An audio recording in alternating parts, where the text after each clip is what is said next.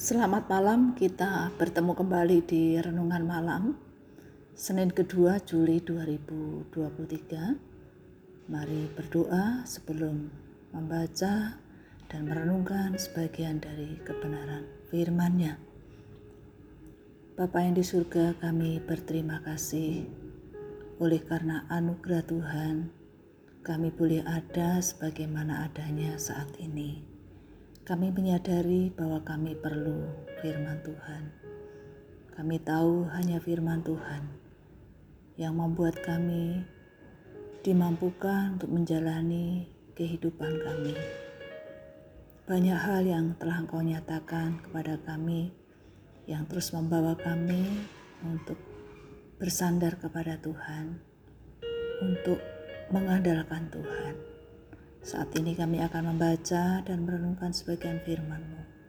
Mari Tuhan menolong kami, agar di dalamnya kami semakin mengasihi Tuhan, setia dan taat kepadamu. Dalam nama Tuhan Yesus kami berdoa. Amin. Mari kita memperhatikan dari Injil Yohanes pasal 10 ayat 32 dan 33. Demikian firman Tuhan. Kata Yesus kepada mereka, banyak pekerjaan baik yang berasal dari Bapakku yang kuperlihatkan kepadamu. Pekerjaan manakah di antaranya yang menyebabkan kamu mau melempari aku? Jawab orang-orang Yahudi itu, bukan karena suatu pekerjaan baik maka kami mau melempari engkau, melainkan karena engkau menghujat Allah dan karena engkau, sekalipun hanya seorang manusia saja, menyamakan dirimu dengan Allah. Pada waktu itu, Yesus telah melakukan perbuatan baik, dan banyak orang telah melihat secara langsung apa yang Yesus kerjakan pada waktu itu. Yesus telah menyembuhkan orang sakit, membebaskan orang yang dikuasai setan, memberi makan banyak orang, menghibur yang berduka, dan sebagainya.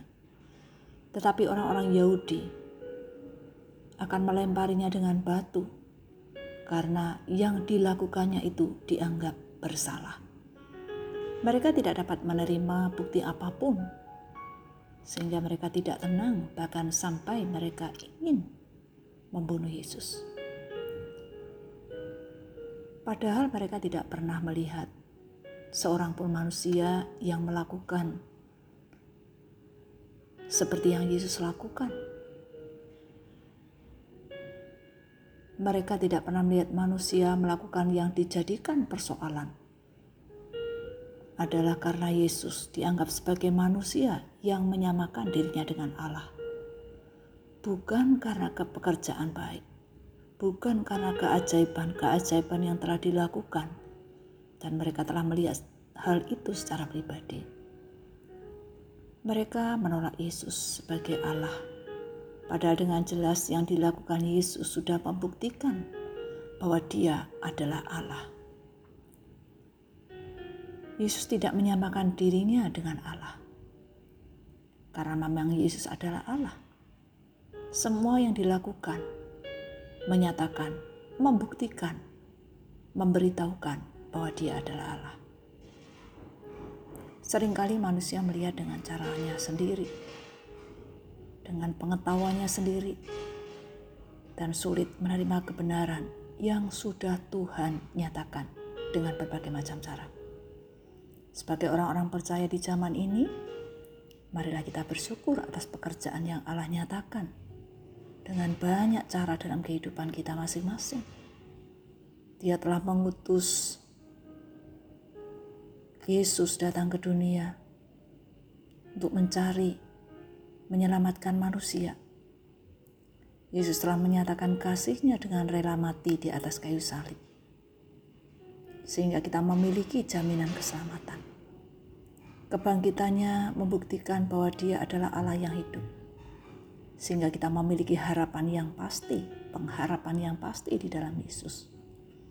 Oleh sebab itu, marilah kita taat dan setia hanya kepada Tuhan. Sadarlah sudah cukup bagi Yesus menunjukkan siapa dirinya yang adalah Allah yang sejati. Dan percayalah, hanya kepada Allah dalam menjalani hidup ini sehingga kita akan merasakan damai sejahtera Tuhan, merasakan ketenangan di dalam Kristus. Tuhan menolong kita untuk mensyukuri apa yang Tuhan sudah kerjakan dalam kehidupan kita. Mari kita berdoa. Bapa yang di surga kami berterima kasih. Kami menyadari bahwa sudah banyak hal yang kau telah nyatakan dalam perjalanan kehidupan kami sebagai orang-orang percaya. Engkau telah membuktikan bahwa engkau adalah Allah yang seharusnya kami percaya. Allah yang layak untuk disembah oleh semua ciptaannya. Terima kasih ya Tuhan. Teguhkan dan kuatkan iman percaya kami untuk setia mengiring Tuhan sampai selama-lamanya. Mampukan kami menghargai, mensyukuri akan karya Tuhan dalam kehidupan kami hingga saat ini, bahkan yang kami percaya karya Tuhan itu akan terus engkau nyatakan dalam kehidupan kami sebagai orang-orang percaya Engkau selalu memimpin setiap langkah kami, menyertai kami, dan memampukan kami untuk menjalani hidup ini sesuai dengan rencanamu. Terpujilah nama Tuhan di dalam nama Tuhan Yesus kami bersyukur dan berdoa. Amin. Bapak Ibu sekalian, selamat malam, selamat beristirahat. Tuhan Yesus memberkati. Amin.